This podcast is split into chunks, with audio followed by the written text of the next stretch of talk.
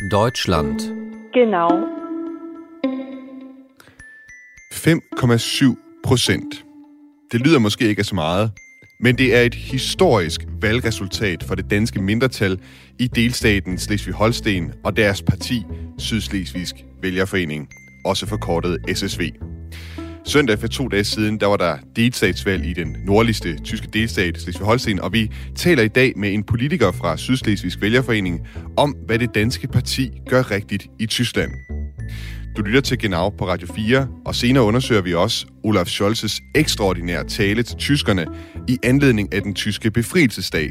Altså den dag Nazi-Tyskland kapitulerede, hvor at Olaf Scholz forsøgte at forklare sin politik i forhold til Ukraine og sætte den i relation til Nazi-Tysklands kapitulation. Det gik til synlande ikke så godt med den tale, for hverken fortalere eller modstandere af at sende tungvåben til Ukraine var særligt tilfredse med talen. Du kan som altid sms ind undervejs i programmet. Skriv ind til 1424 med dine kommentarer eller spørgsmål. Og skriv også gerne, hvad du hedder og hvorfra i landet du sender din besked. Velkommen til Genau. Genau. Genau. Genau. Genau.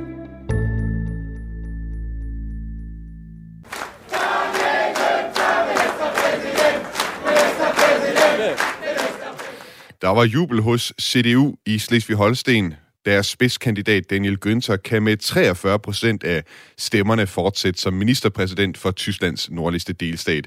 Partiet gik 11 procentpoint frem ved landdagsvalget, eller det man også kalder det delstatsvalg i Tyskland i søndags. Og dermed så lykkedes det altså for CDU næsten at sikre sig flertal alene i delstaten.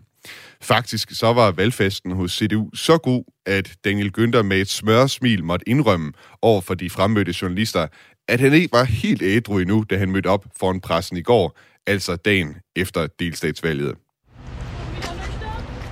Nø. Zumindest noch nicht vollständig. Hos partiet De Grønne var der også jubel. Wir haben gezeigt, wie wichtig das ist, dass wir Grüne den Karren ziehen. Immer ganz vorne, immer mit Schwung, immer mit Ehrgeiz, immer mit Vision. Und es gibt heute Abend zwei Wahlsieger. Ja, deres spidskandidat Monika Heinold sagde her, at øh, de altså havde vist, hvor godt de kan klare sig, når det er, at de går forrest med inspiration fra De Grønne. Og De Grønne blev altså Slesvig-Holstens andet største parti. Hos Socialdemokraterne, der var der stor nedtur. De mistede over 10 procentpoint ved valget. Det er et historisk dårligt valgresultat for SPD i Slesvig-Holsten. Das war echt ein wirklich schwieriger Wahlkampf. Ja, det var en svær valgkamp, sagde deres spidskandidat Thomas Losse Møller. Og hos det højreorienterede parti Alternative for Deutschland, der fik man simpelthen ikke nok stemmer til at nå over den tyske spærregrænse på 5% af stemmerne. Så de er raus, som deres spidskandidat Jörg Nobis sagde søndag aften. Wir sind raus und ich danke euch trotzdem von Herzen, dass wir gekämpft haben. Dankeschön. Men for folkene i det danske mindretal var det søndag aften svært at få armene ned. For det danske og frisiske mindretalsparti i Slesvig-Holsten, SSV, scorede 5,7 procent af stemmerne i delstaten. Det er det bedste valgresultat siden 1947. I går talte jeg med Jørgen Møllekær, som er chefredaktør for det danske mindretalsavis Flensborg Avis, og jeg spurgte ham, hvor overraskende søndagens valgresultat var. Jamen, altså indtil for 14 dage siden var der jo ikke nogen, der øh, øh på nogen måde havde kunne forudse, at, at SSV, det danske mindretalsparti, ville komme over, over 5 procent. Det, det, har man, det har man jo ganske enkelt ikke været siden 1950, og, og det, det er jo været, jeg kan slet ikke regne, at det er 80, næsten 80 år siden. Øh, så det er, det er fuldstændig vanvittigt, at, at der er så stor øh, appeal øh, til, til øh, en dansk og en skandinavisk måde at vi løse samfundsudfordringerne på. Øh, Det er noget, der i den grad også er blevet bemærket i, i hele Tyskland, at SSV nu for anden gang på kort tid øh, lander et, et, et, et, ja, et, et, et ja, helt vildt øh, valgresultat. Ja, hvordan, hvordan forklarer du øh, deres resultat? Altså, øh, er det simpelthen det her, fordi det, det tiltrækker så mange øh, tyskere også i Slesvig-Holsten, den her danske øh, hvad skal man sige, fremgangsmåde til at løse øh, samfundsspørgsmål? Ja, øhm, der er rigtig mange emner, som er top of mind i, i, i, i Tyskland lige nu, og også her i Slesvig-Holstein, som, som trækker, om du vil, øh, en dansk vej. Ikke? Øhm, øh, nu, nu har vi desværre jo lige nu en, en, en, en krisesituation og en, en, en alvorlig krisesituation, som skygger for rigtig meget andet, men, men hvis vi lige kort prøver at abstrahere fra det, så, så, øhm, så er der, er der en hel masse øh, områder, hvor, hvor, hvor, hvor flere og flere i det nordlige Tyskland, og ikke kun dem, der bor i Flensborg og sådan rigtig grænsenært, men jo altså også nede i Kiel og nede i Lübeck og andre steder langt væk fra, hvad skal vi sige, øh, den dansk-tyske grænse. Altså folk, øh, der, der har, hvis de tager et sted hen, så tager de til Hamburg, ikke? Øh, som, som egentlig ikke har, har så meget med Danmark at gøre. Der, der er et, et ganske pænt ryg hen imod øh, SSV, og det handler jo om, at at SSV, øh, altså dels har de rent valgtaktisk den her gang øh, øh, stået, stået øh, med egne markeringer og ikke på forhånd sagt, hvem de ville støtte, og det har været rigtig, rigtig klogt. Øh, og så har de... Øh, så har de, og det var altså før Ukrainekrisen, talt ind i den udfordring, man, man også har her i Nordtyskland, at, at, at, at, øh, dagligdagen øh, bliver altså stadig sværere at få til at hænge sammen økonomisk øh, for, for især de, de dårligt stillede, og det, det er simpelthen et budskab, man har braget igennem med, og hvor, hvor det danske mindretalsparti SSV synes jeg også, man objektivt må sige, øh, ikke bare fordi man er chefredaktør på Flensborg Avis, øh, har nogle mere progressive øh, socialpolitiske bud på, hvordan, øh, hvordan man løser tingene. Øh, øh, der synes jeg nok, at det tyske socialdemokrati øh, er gået i stå, altså, øh, og, og, og kommer med, med, med nogle gamle traver og, og, og, og simpelthen ikke brænder igennem i forhold til hvordan man løser de, de store udfordringer, vi, vi også her har et, i Nordtyskland på det, på det sociale politiske område.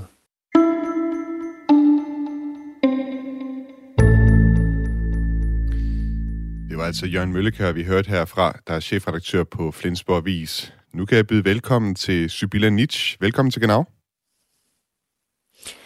Um, moin, ja, moin. fra grænselandet. Ja, moin, moin, som man siger dernede. Sybilla, du er, ja, du er politiker for Sydslesvigske Vælgerforening. Du er også øh, lærer ude på Husum Skole ude øh, vestpå i øh, øh, Slesvig-Holsten. Og ved valget søndag, der blev du altså valgt ind i den øh, Slesvig-Holstenske landdag, som man kalder det, altså parlamentet i delstaten øh, Slesvig-Holsten. Landdagen, den ligger i Kiel. Og øh, det er første gang, du skal ind og sidde i landdagen. Hvordan var det søndag, øh, eller var det mandag? Nu ved jeg ikke, hvornår du har fået nyheden helt præcis. Hvordan var det at få den nyhed, at du blev valgt ind i øh, landdagen?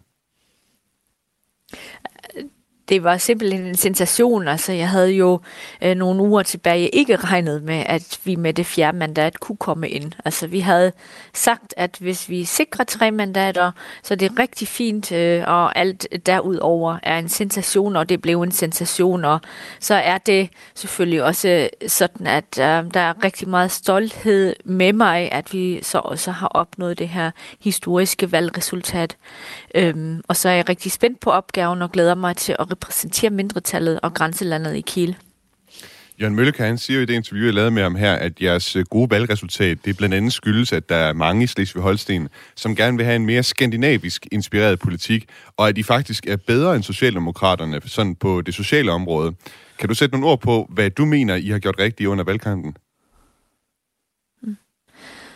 Jamen, det er rigtigt. Altså, jeg mener, at vi har en, en savlig og pragmatisk øhm, tilgang, og øhm, øh, går også ud og siger, altså, vi har et problem, og der er et problem, vi skal løse, så vi finder en vej. Øhm, og der er mange udfordringer her i landsdelen med, at der ikke er nok boliger til den helt almindelige befolkning, og øhm, eller boligerne er for dyre, således at man næsten ikke øhm, kan magte det økonomisk. Og der har vi simpelthen udviklet virkelige tiltag, der kunne løse problemet med en lovgivning, vi havde præsenteret, som blev stemt ned i sidste periode. Og vi har i mange år haft fokus på, at altid, når der tages beslutninger i landet, så skal man holde øje med, hvordan de mest udsatte grupper også kommer med ind i nogle sociale forandringer. Og det tror jeg har virkelig øh, skabt et øh, potentiale, hvor folk kunne se, at dem i SSV, de arbejder virkelig på at løse problemerne, vi har i landstil. Ifølge øh, de valgundersøgelser, som øh, public service-mediet Norddeutsche Rundfunk har offentliggjort, så er der mange, som jo tidligere stemte socialdemokratisk, som har stemt på jer faktisk. Faktisk så oplevede øh, det tyske socialdemokrati jo noget af en nedtur ved, ved det her Øh, delstatsvalg i Slesvig-Holsten. Hvorfor tror du, at socialdemokratiske vælgere, de netop kommer til jer i SSV?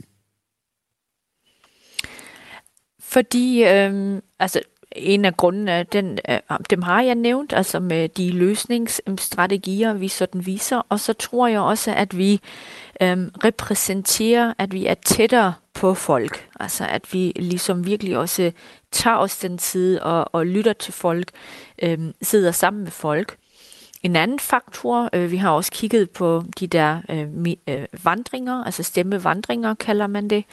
Um, der kunne vi se, at der omkring 14.000 stemmer jo gik fra SPD til SSV, og der gik også 3.000 stemmer fra de grønne til SSV. Um, øhm, og vi har været meget, øh, meget skarp i vores udmeldinger omkring, at vi ikke vil rokke øh, ved natur- og miljøpolitikken, hvor det så var, at SPD og Grønne satsede på, at man investerer i nye fossile strukturer, nemlig LNG, øh, nede i den sydlige del af Slesvig-Holsten, og det tror jeg har også skabt en troværdighed øh, hos vælgerne, så det gjorde, at øh, de så valgte os som alternativ.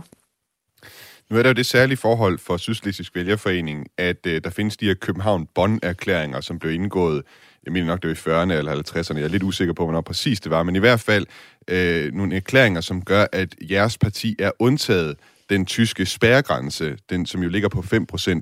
Nu fik I 5,7% af stemmerne øh, ved det her valg, som altså, det vil sige, I er altså noget over den tyske spærregrænse. Hvis nu I alligevel kan nå over den her øh, spærregrænse øh, ved, ved valg, som, som I har lykkes med den her gang, er der så øh, overhovedet behov for, at I fortsat kan være undtaget, fritaget for, at øh, I kan komme ind uden, øh, uden hensyn til spærgrænsen? Det er der øh, helt bestemt behov for, fordi øh, det skal jo sikres, at vi altid kan være repræsenteret med mindst øh, et mandat. Øh, så vi ved ikke, hvordan det udvikler sig de næste fem år, og selvfølgelig som et lille parti er man også udsat for øh, mange svingninger. Øh, man ved ikke, hvordan det så tegner sig om et par år, og så er det meget, meget vigtigt selvfølgelig, at vi alligevel er sikret i vores repræsentation, og det samme jo også på forbundsniveauet, hvor, hvor det samme gælder med spærgrænsen. Så det er selvfølgelig et princip, vi vil holde fast i. Vi er utrolig glade for, at det gik øhm, øhm, ud over de der 5 procent. Det havde vi ikke drømt om. Øhm, men det betyder jo også bare, at vi er en naturlig del af det politiske landskab i Slesvig-Holsten, og at vi så er en af de player, man kan regne med. CDU, de klarede sig virkelig godt ved det her valg. Hvad mener du, øh, Daniel, altså øh, ministerpræsident Daniel Günther, han har gjort rigtigt? Altså, hvad har han gjort rigtigt i dine øjne for at sikre sig at de her 43 procent af, af stemmerne, som CDU de, øh, de sikrer sig? Altså, jeg tænker, at han gik frem som en virkelig øhm, særlig personlighed øhm, under coronakrisen, øhm, eller i de forgangne år, hvor det handlede om, hvordan man takler krisen, og hvordan man bedst, bedst omgås, og hvordan man omgås restriktionerne. Så det, der tror jeg, har han fået meget anerkendelse, og så må man sige, at han øh, virkelig gør sit øhm, job godt. Øhm, det har vi også øh, øh, kunne mærke som mindretal, det vil sige, altså han tager mindretallene alvorligt. Øh, vi har haft et konstruktivt samarbejde med ham, det vil sige, vi havde også konstruktive forslag, og øh, dem gik han ind på. Og så tror jeg, at han, altså, han er meget borgernær. Øhm, han kommer meget ud til folk. Øhm, han er præsent. Han, øhm, han kører rundt til foreninger og til sammenslutninger, og det øhm, er det, der gør ham virkelig populær, hvor, hvor den enkelte borger også selv føler, at man er tæt på med ministerpræsidenten. Sibylla Nitsch, tak fordi du øh, var med i Genau i dag, og øh, god, øh, god arbejdsløst i øh, landdagen i Kiel. Ja, mange tak. Det var altså Sibylla Nitsch, politiker fra SSV, som øh, ved valget her i søndag sikrer sig et øh, sæde i delstatsparlamentet i Kiel i Slesvig-Holsten.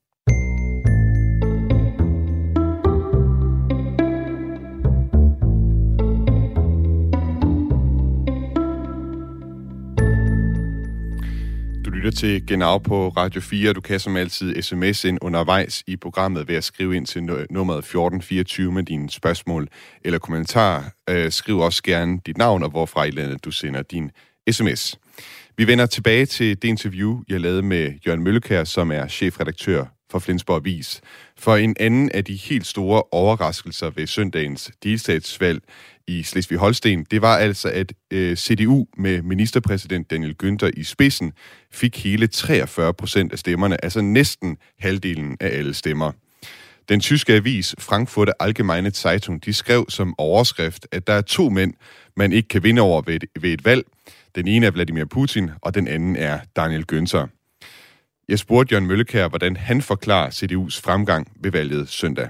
Jeg kommer til at tænke på god gamle Poul Slytter. Øh, øh, det, det, jeg ved ikke, hvor mange af Radio 4 Slytter, der, der kan, kan huske hans embedsperiode, men, men, men, øh, men øh, jeg var ung journalist dengang, øh, og, og, øh, og, og Poul Slytter er jo blevet kendt for mange ting, blandt andet et, et citat, der er gået over historiebøgerne, nemlig at han ikke var så konservativ, så det gjorde noget. Øh, og det, det skulle han ligesom sige for at holde sammen på en regering af, af, fire partier, der var meget forskelligt. Øh, Daniel Günther, øh, han er faktisk konservativ, øh, også øh, ikke mindst med en dansk målstok, men han har en, øh, en forbilledelig evne og en meget moderne øh, evne til at, til at integrere andre synspunkter, og, og han har simpelthen set før andre i CDU, øh, Øh, at, at, øh, at de grønne i Tyskland øh, kommer til at forblive en meget, meget stor øh, politisk faktor i formentlig flere årtier frem, øh, og, og også længe før Ukraine-krisen. Øh, der, er, der er simpelthen så mange klimapolitiske og energipolitiske udfordringer, hvor de grønne har nogle løsninger, øh, havde nogle løsninger før nogle andre. Og det, og det er det, øh, øh, den konservative ministerpræsident Kiel har erkendt. Det er også mit bud, at det er den regering, vi kommer til at se fremover. Øhm, fordi det, det er der simpelthen mest fremtid i at forbinde noget værdikonservativt med, med, noget, øh, med nogle øh, nutidige og, fremadrettede øh, klimapolitiske løsninger. Det er, det er noget, der fylder rigtig meget for, for vælgerne. Og, og, og så har Daniel Günther, den konservative ministerpræsident, han har han har noget omkring sit kropssprog, sin, sin, sin, sin retorik, øh, der gør, at han, han, han, han, han integrerer og, og, og, og viser og demonstrerer, at han, han vil andet end bare gennemføre konservativ politik. De, de, hos CDU i Berlin på forbundspolitisk niveau, hvor, hvor de konservative jo er, er et noget mere sorte og gammeldags konservative, om du vil, end, end Daniel Günther er, der har de jo sådan for sjov kaldt ham Genosse Günther. Altså Genosse, det er jo sådan et socialdemokratisk udtryk, kammerat Günther,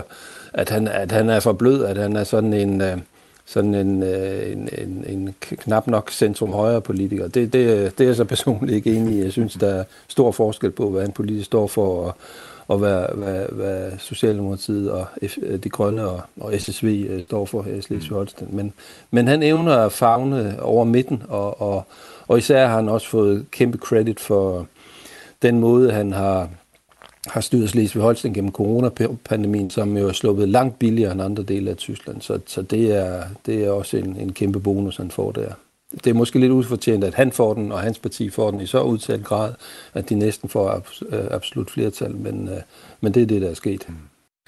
Det var altså Jørgen Møllekær, vi hørte her fra chefredaktør for Flensborg Avis. Nu kan jeg byde velkommen til en tidligere chefredaktør for en anden mindretalsavis, nemlig Sigfrid Matlock, seniorkorrespondent for Der Nordschleswiger, det tyske mindretalsavis i Danmark. Velkommen til Genau. Ja, moin. Moin du. Og øh, vi hører Jørgen Møllekær her øh, sammenligne Daniel Günther med Paul Slytter. Øh, er du enig i den sammenligning, og er det nogle af de kvaliteter ved Daniel Günther, der gør, at han er blevet så populær, altså kunne høste de her 43 procent af stemmerne ved delstatsvalget i Slesvig-Holsten?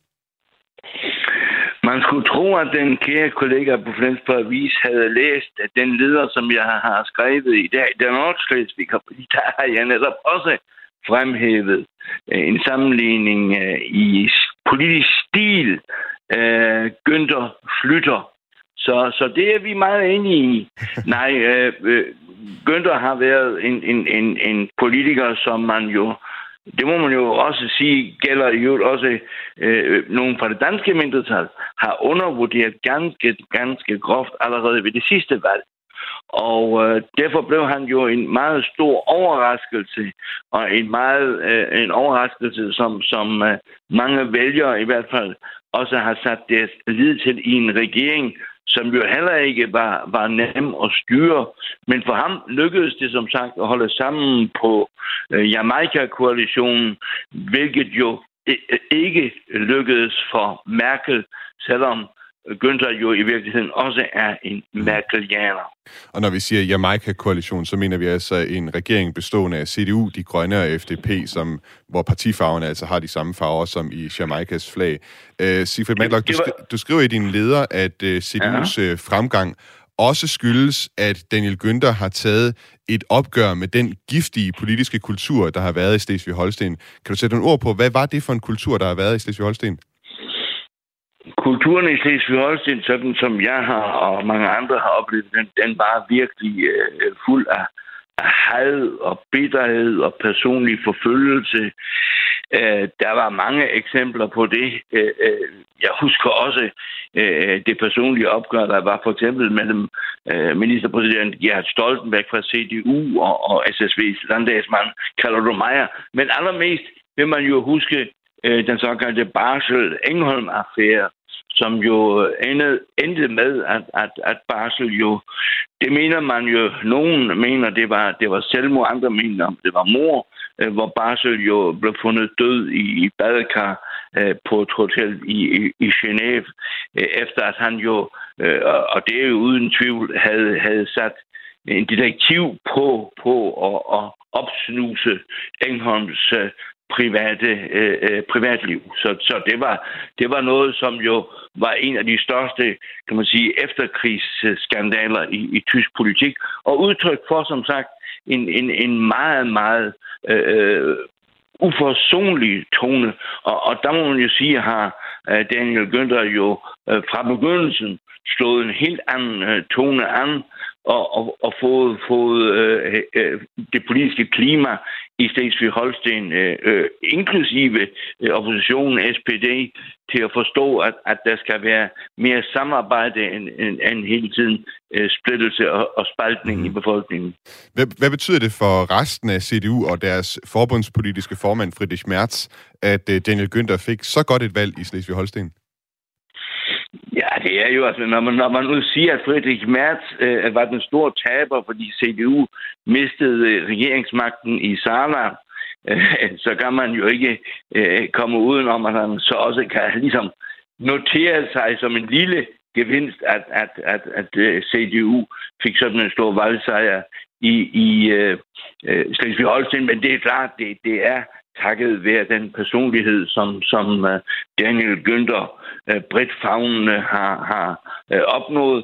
Og man må jo sige, at, at Mertes øh, position, om han nu skal glæde sig, eller kan glæde sig, efter øh, rigtig efter den der sejr i Slesvig-Holsten, den, det afhænger jo meget af, hvordan det meget mere vigtige øh, landdagsvalg øh, af, øh, afgøres på søndag i Nordrhein-Westfalen, hvor, hvor øh, der jo også er en CDU-ministerpræsident, der står øh, på valg, og hvor situationen for CDU er langt, langt vanskeligere end i Slesvig-Holsten.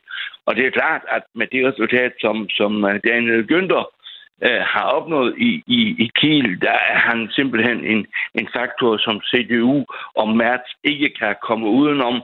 Og jeg kunne da se eller høre i går, og de første kommentarer fra Merz var netop, at han øh, gerne vil understrege, at han vil overtage mange af de øh, øh mere moderne, liberale tanker, som, som midtsøgende tanker, som Daniel Günther har. Øh, så, så Merz har også allerede flyttet sig. Jamen, de to har jo også blevet beskrevet lidt som øh, modstandere af hinanden. Helt kort, kan du prøve at bare sætte et par ord på, hvad det er for en modstand, der har været mellem de to øh, politikere, Merz og Günther? Hænger jo simpelthen sammen, at, at Günther, som jo oprindeligt var meget mere øh, konservativ end Merz, øh, har været, mm. at, Günther, at Günther jo øh, er, er rykket ind mod, mod midten, mm. og, og i magtkampen efter Merkel har han jo øh, helt klart givet til støtte til, til Laschet i, i stedet for øh, øh Merz, som jo hele tiden mm. havde den største opbakning øh, blandt CDU's vælgere. Sigfrid Matlock, øh, tak fordi du var med, altså seniorkorrespondent for Den Nordslesviger. Tak fordi du var med i Genau i dag. Om lidt så skal vi også se på den krise, der er hos det højre nationale AFD, for det endte nemlig med, at de slet ikke kom ind i landdagen efter valget i søndags i øh, Slesvig-Holsten. Det er første gang, de rød ud af en landdag i Tyskland. Nu er der nyheder på Radio 4.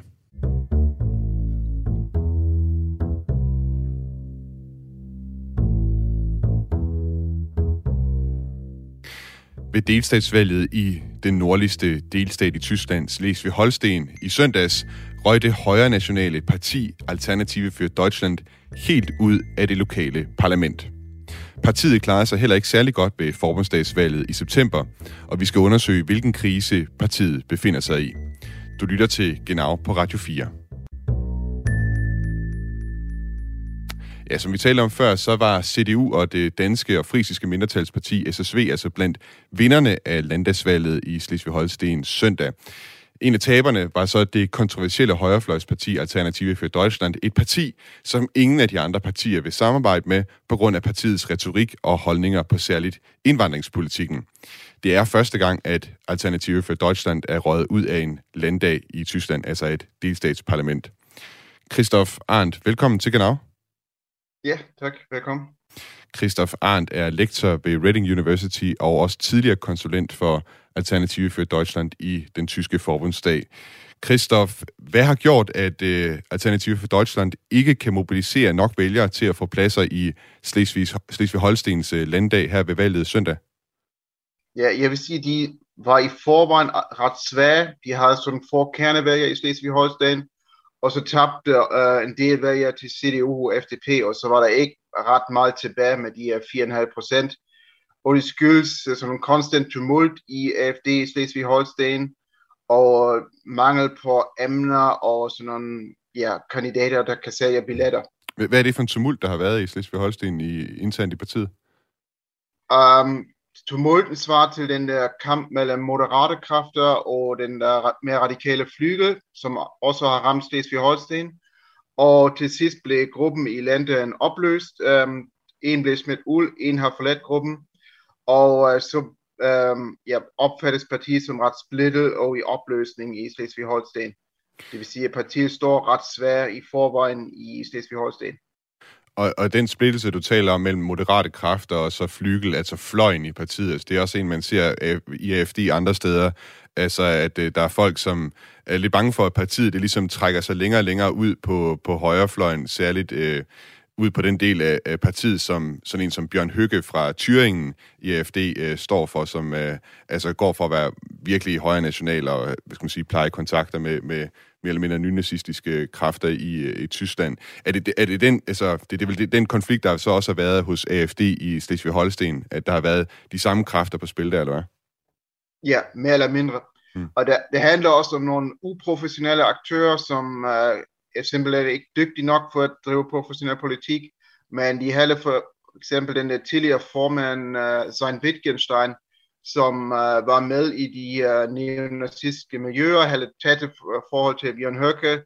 Uh, hun blev smidt ud, men hun har stadigvæk en del tilhængere i partiet, og så er der den der konflikt mellem sådan nogle mere borgerlige konservative kræfter og den der gruppe omkring Sein Wittgenstein. Hvad kommer det til at betyde for Alternative for Deutschland, at de nu for første gang er røget ud af et af de uh, delstatsparlamenter, som de ellers har fået plads i? Jeg tror, det bliver endnu mere magtkampe, øh, også på forbundsniveauet. Uh, der er den debat om den rigtige strategi, eller man kan sige gevinstformel, og er det den vestlige strategi eller den østlige strategi, og uh, det bliver sådan nogle endnu værre, tror jeg.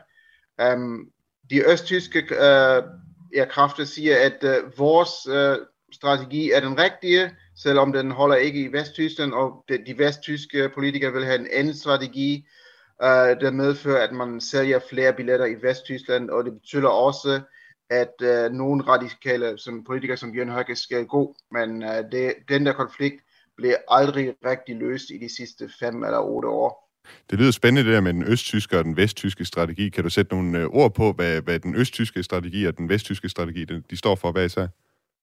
den østtyske er sådan mere nationalistisk, som du også antyder, og men også mere pro-velfærd end vesttyske. Den vesttyske er mere sådan klassisk konservativ, uh, øh, borgerlige strategi eller retorik, og den østtyske kombinerer sådan nogle nationalistiske positioner med sådan pro-velfærdspositioner. Og det, det fanger i Østtyskland, det kunne man se med den tidligere PDS, uh, øh, som også havde ja, den der kombination, eller delvist, uh, øh, men PDS kom jo aldrig over 5% i Vesttyskland, og uh, AFD risikerer at uh, løbe præcis i den der niche, uh, hvor man kun sælger billetter i Østtyskland, men uh, sælger ingen billetter i Vesttyskland. Hmm. Og den, det er den der pro-velfærd plus nationalisme, som fanger kun i uh, ja, østlige delstater. AFD klarede sig heller ikke særlig godt ved forbundsdagsvalget i øh, september, og siden da så er en af deres, øh, jeg går ud fra det er formand Jørg Møjden, eller i hvert fald øh, talsmænd øh, for partiet, han er trådt ud af partiet igen på grund af den her konflikt, der er internt i partiet om øh, den moderate fløj og den højre, øh, den, hvis skal man sige, højre drejning, der er i partiet, hvor Jørg Møjden står for den moderate fløj i partiet. Hvad er det for en situation, øh, AFD står i lige nu? De står i en ja, forholdsvis svær situation. Øh, de kan ikke mobilisere vælger ud over deres kernevælgere der deres sådan, covid-position var til sidst en taberposition. Og uh, under den der Ukraine-krig er den pro-russiske positionering heller ikke noget, uh, der fanger hos vælgerne. Og så er den der uklare ting med strategien. Um, vest mod øst, borgerlige konservative mod flygel, Uh, og så nogle uenigheder og, og sådan nogle, en del emner, for, for eksempel velfærd og økonomi, har de heller ikke en, en rigtig program.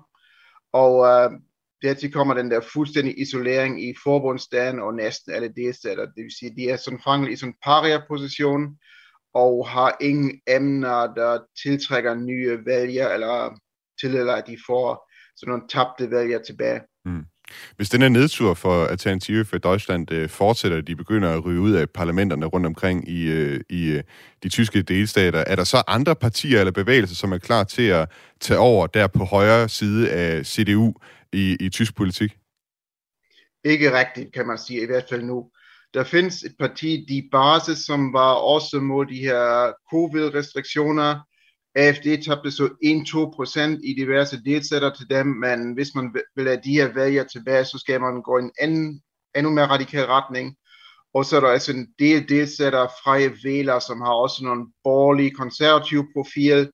Uh, de kommer op 5% i nogle delstater, men de, de mangler slagkraft for at komme over 5% på forbundsniveau. Det vil sige, at der er sådan nogle små partier, der kan tiltrække en del AFD-vælger, men indtil nu er der ikke et, et, et parti, uh, der kan fylde den der niche mellem AFD og CDU på centrum højre. Christoph Ornd, du skal have mange tak, fordi du var med i uh, Genau i dag. Ja, selv tak. Altså lektor ved Reading University og tidligere konsulent hos Alternative for Deutschland i Forbundsdagen.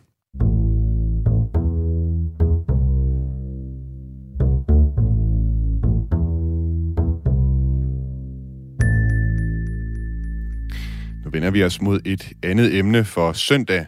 Udover at der var øh, delstatsvalg i Slesvig-Holsten, så holdte Olaf Scholz, Tysklands socialdemokratiske kansler, altså også en tale direkte til tyskerne på tysk tv.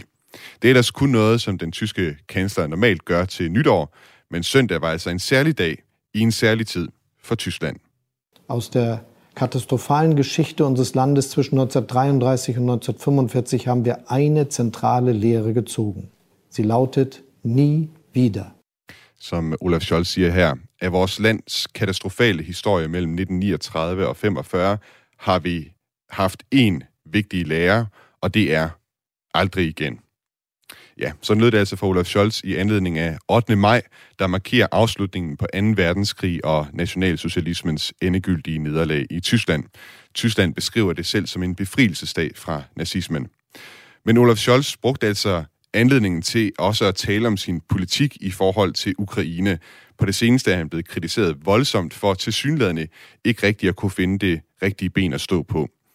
For selvom den tyske regering med Scholz i spidsen er gået med til at levere tunge våben til Ukraine og generelt har skærpet retorikken over for Rusland, så er den stadig nølende og mangler empati over for ukrainernes situation, sådan lyder kritikken i hvert fald i flere tyske medier. Andre siger, at Olaf Scholz blot prøver at fagne tyskernes bekymringer. Lad os lige prøve at høre et klip mere her fra talen. Aus vielen Äußerungen, die ich dieser Tage höre, spricht ernste Sorge. Sorge auch davor, dass sich der Krieg ausweitet, dass der Frieden auch bei uns in Gefahr geraten könnte. Es wäre falsch, das einfach abzutun. Solche Sorgen müssen ausgesprochen werden können. Gleichzeitig gilt, Angst darf uns nicht lähmen. Ja, her taler Olaf Scholz om, at tyskernes bekymringer er legitime, og at de ikke bare kan affejes, men at frygt ikke må stå i vejen for det, som tyskerne har bestemt sig for at gøre, nemlig at øge støtten til ukrainerne, blandt andet med tunge våben og flere sanktioner. For at undersøge Olaf Scholz's tale nærmere, skal jeg nu byde velkommen til dig, Troels Heger, journalist ved Berlinske og forhåndværende korrespondent i Tyskland. Velkommen til Genau. Tak. Og jeg skal også byde velkommen til dig, Mathias Sonne, informationskorrespondent i Tyskland med fra Berlin. Yes, tak. Mathias Sonne, til at starte med, hvis øh, målet for Olaf Scholz's tale her helt ekstraordinært at gå ud og lave sådan en tv-tale her til tyskerne, tyskerne.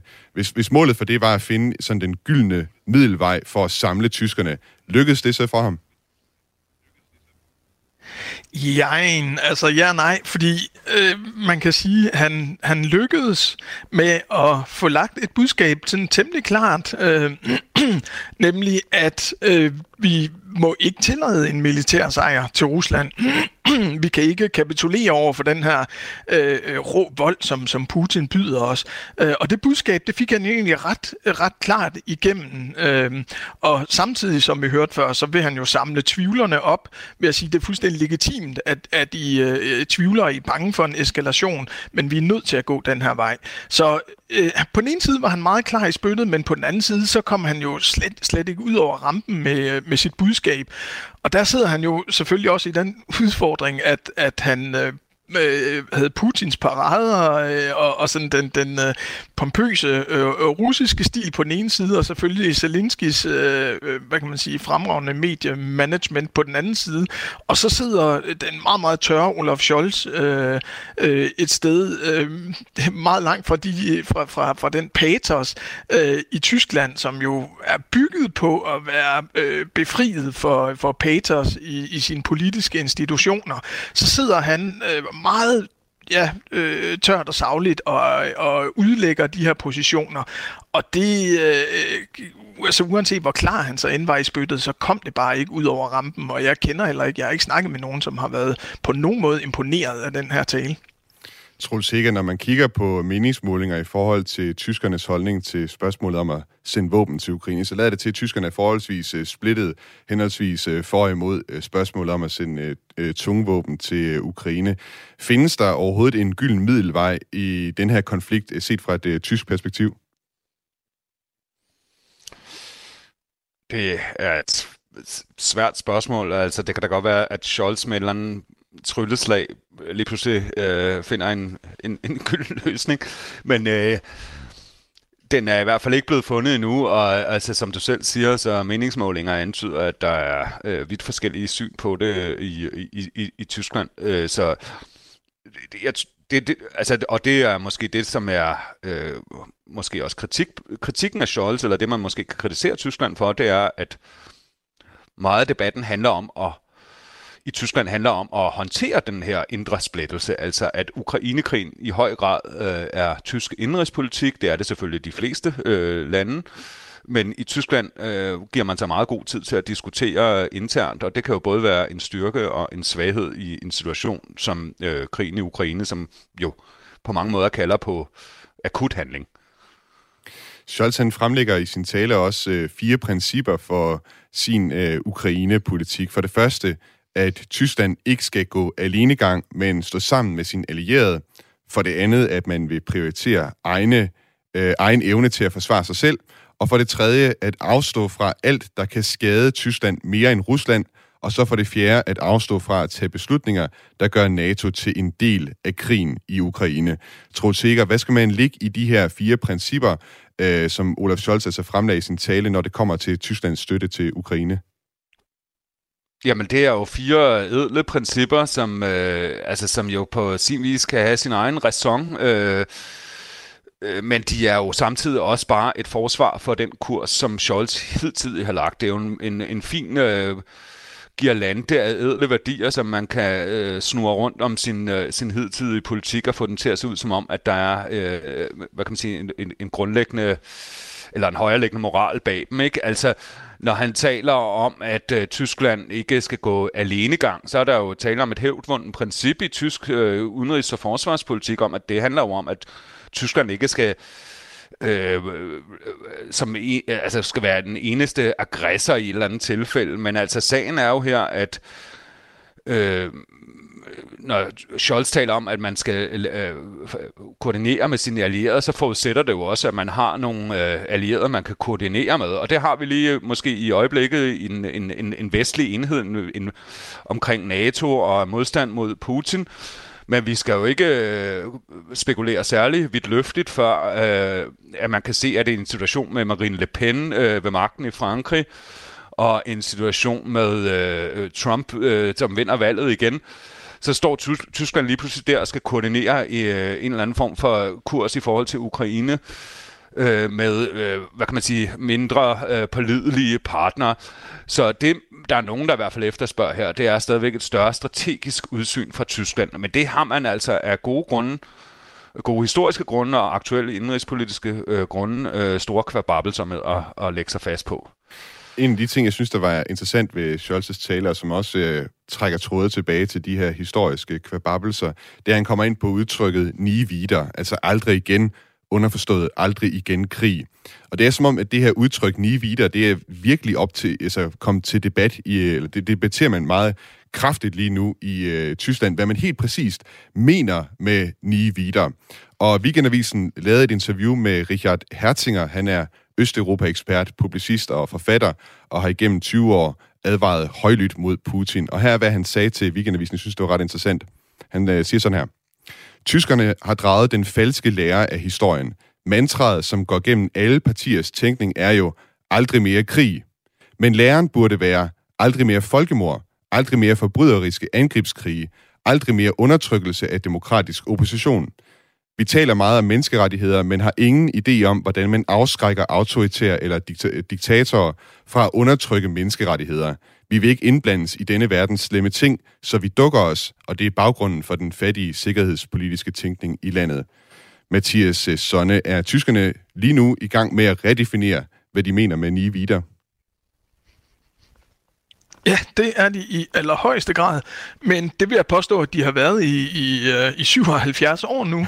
altså, uh, det, det er jo ikke, det er jo ikke en, et nyt spørgsmål, det her, og det var uh, altså også nærmest med samme ordlyd, som Richard Hertinger her bruger, så var det jo uh, i allerhøjeste grad til forhandling i, i 1990'erne uh, i forbindelse med, med krigene i, på Balkan, altså Bosnien og Kosovo især, uh, hvor, hvor uh, det her spørgsmål blev stillet, og også af Joschka Fischer dengang, altså altså den grønne udenrigsminister, øh, blev stillet med den her ordlyd, om vi ikke skulle omdefinere Nivider krig øh, til, øh, til øh, Nivider holocaust, øh, Nivider følgermord. Øh, så så det, er, det bliver forhandlet øh, løbende igennem den tyske historie, og det er jo den helt modbydelige balance også lige nu, at, øh, at en, en pacifisme i Ukraine jo nærmest er en øh, legitimering af det, øh, af, af det overfald, som, øh, som, som øh, Putin har foretaget på øh, øh, på Ukraine. Så lige er hele tiden til forhandling, men lige nu sker der selvfølgelig et, et stort, stort skred i den tyske selvforståelse og opfattelse af, hvordan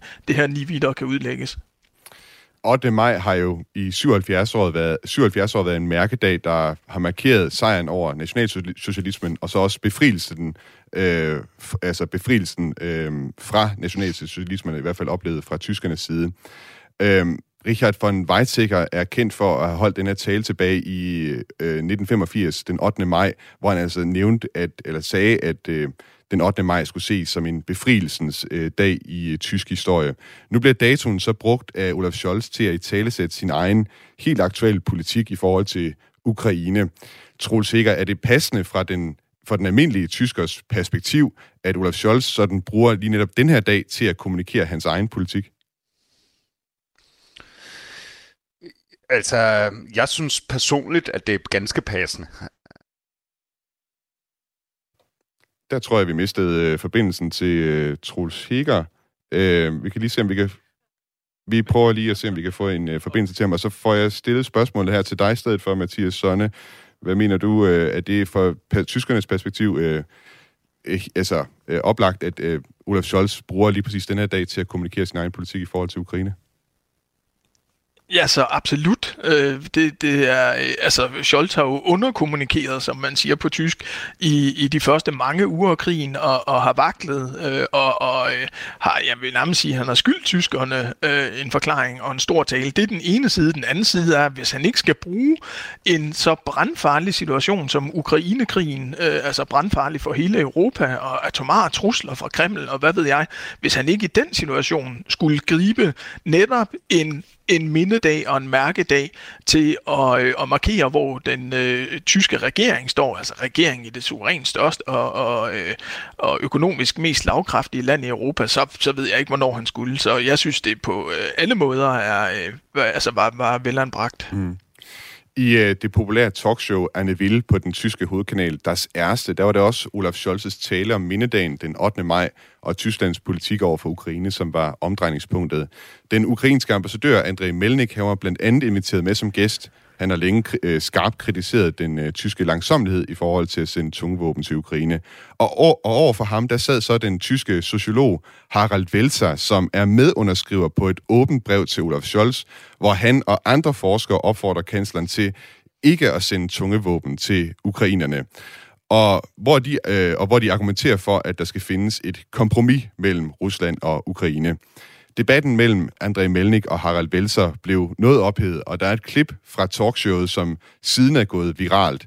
André Melnik havde netop kritiseret Harald Belsers åbne brev for at være moralsk utilstrækkeligt, og at det var nemt for folk som Harald Welser at sidde på sit professorkammer og filosofere om de rigtige og forkerte løsninger. Det fik altså Harald Welser til at reagere. Wir sprechen als Mitglieder dieser Gesellschaft vor dem Hintergrund einer Kriegserfahrung, die sich durch die Generationen durchgezogen hat. Und da ist möglicherweise in jeder Familie... Ja, Harald Welser siger altså, at vi taler som medlemmer af det her samfund på baggrund af en krigserfaring, som er nedarvet gennem generationer, og der er muligvis folk med en meget klar krigserfaring i alle familier hos de 45 procent af tyskerne, som er imod levering af tunge våben. Jeg kunne tale om min egen, eller vi kan bruge eksemplet med Richard von Weizsäckers tale den 8. maj 1985, den legendariske tale, hvor personen Richard von Weizsäcker talte om befrielse, selvom hans egen far blev dømt i Nürnberg som krigsforbryder. Senere hen i øh, den her øh, seance, eller hvad skal man sige, det der skete mellem øh, Harald Welser og, og André Melling her, så øh, beskyldte André Melling også øh, Harald Welser for at være belærende over for ham, at han ikke skulle opføre sig som en professor. Og den tyske journalist Julian Hahn delte klippet på Twitter, hvor det spredte sig hurtigt, og han skrev om klippet sådan her. En efterkommer af gerningsmændene belærer en efterkommer af offrene og repræsentant for en nation, der bliver bombet, og læner sig i den sammenhæng op af krigserfaringerne i hans egne, egen familie af gerningsmænd og siger til med, hør hellere efter. Troels Sikker, jeg tror, vi øh, har dig med på en uh, forbindelse igen, og jeg så også, du delte uh, det, yes. klip, det klip her, som jeg taler om fra Arne Ville. Uh, hvorfor har det klip vagt så meget opsigt? Jamen, det er jo øh, fordi, at Velter øh, tager, øh, hvad kan man sige, 2. verdenskrig og hele holocaust og alt det her i, øh, i, i spil. Altså, det er jo i forvejen det, øh, det mest sådan ømtålige og selvfølgelig også humlen i den her debat. Men altså, det at han så, det så bliver brugt som et argument for, hvorfor man ikke øh, skal øh, assistere Ukraine, det, det provokerer jo øh, mange, som mener, at øh, det er Tysklands øh, historiske forpligtelse netop på grund af 2. verdenskrig at assistere Ukraine, som også blev øh, overfaldet af Nazi-Tyskland, og i den grad blev overfaldet af Nazi-Tyskland. Der er jo mange, der mener, at øh, ukrainernes status som ofre i hele den her øh, de, tyske debat om øh, forholdet til Sovjet og Rusland, øh, er blevet øh, ignoreret af, af, af, hvad kan man sige, i den, i, i den, i den generelle mainstream-debat i, i Tyskland.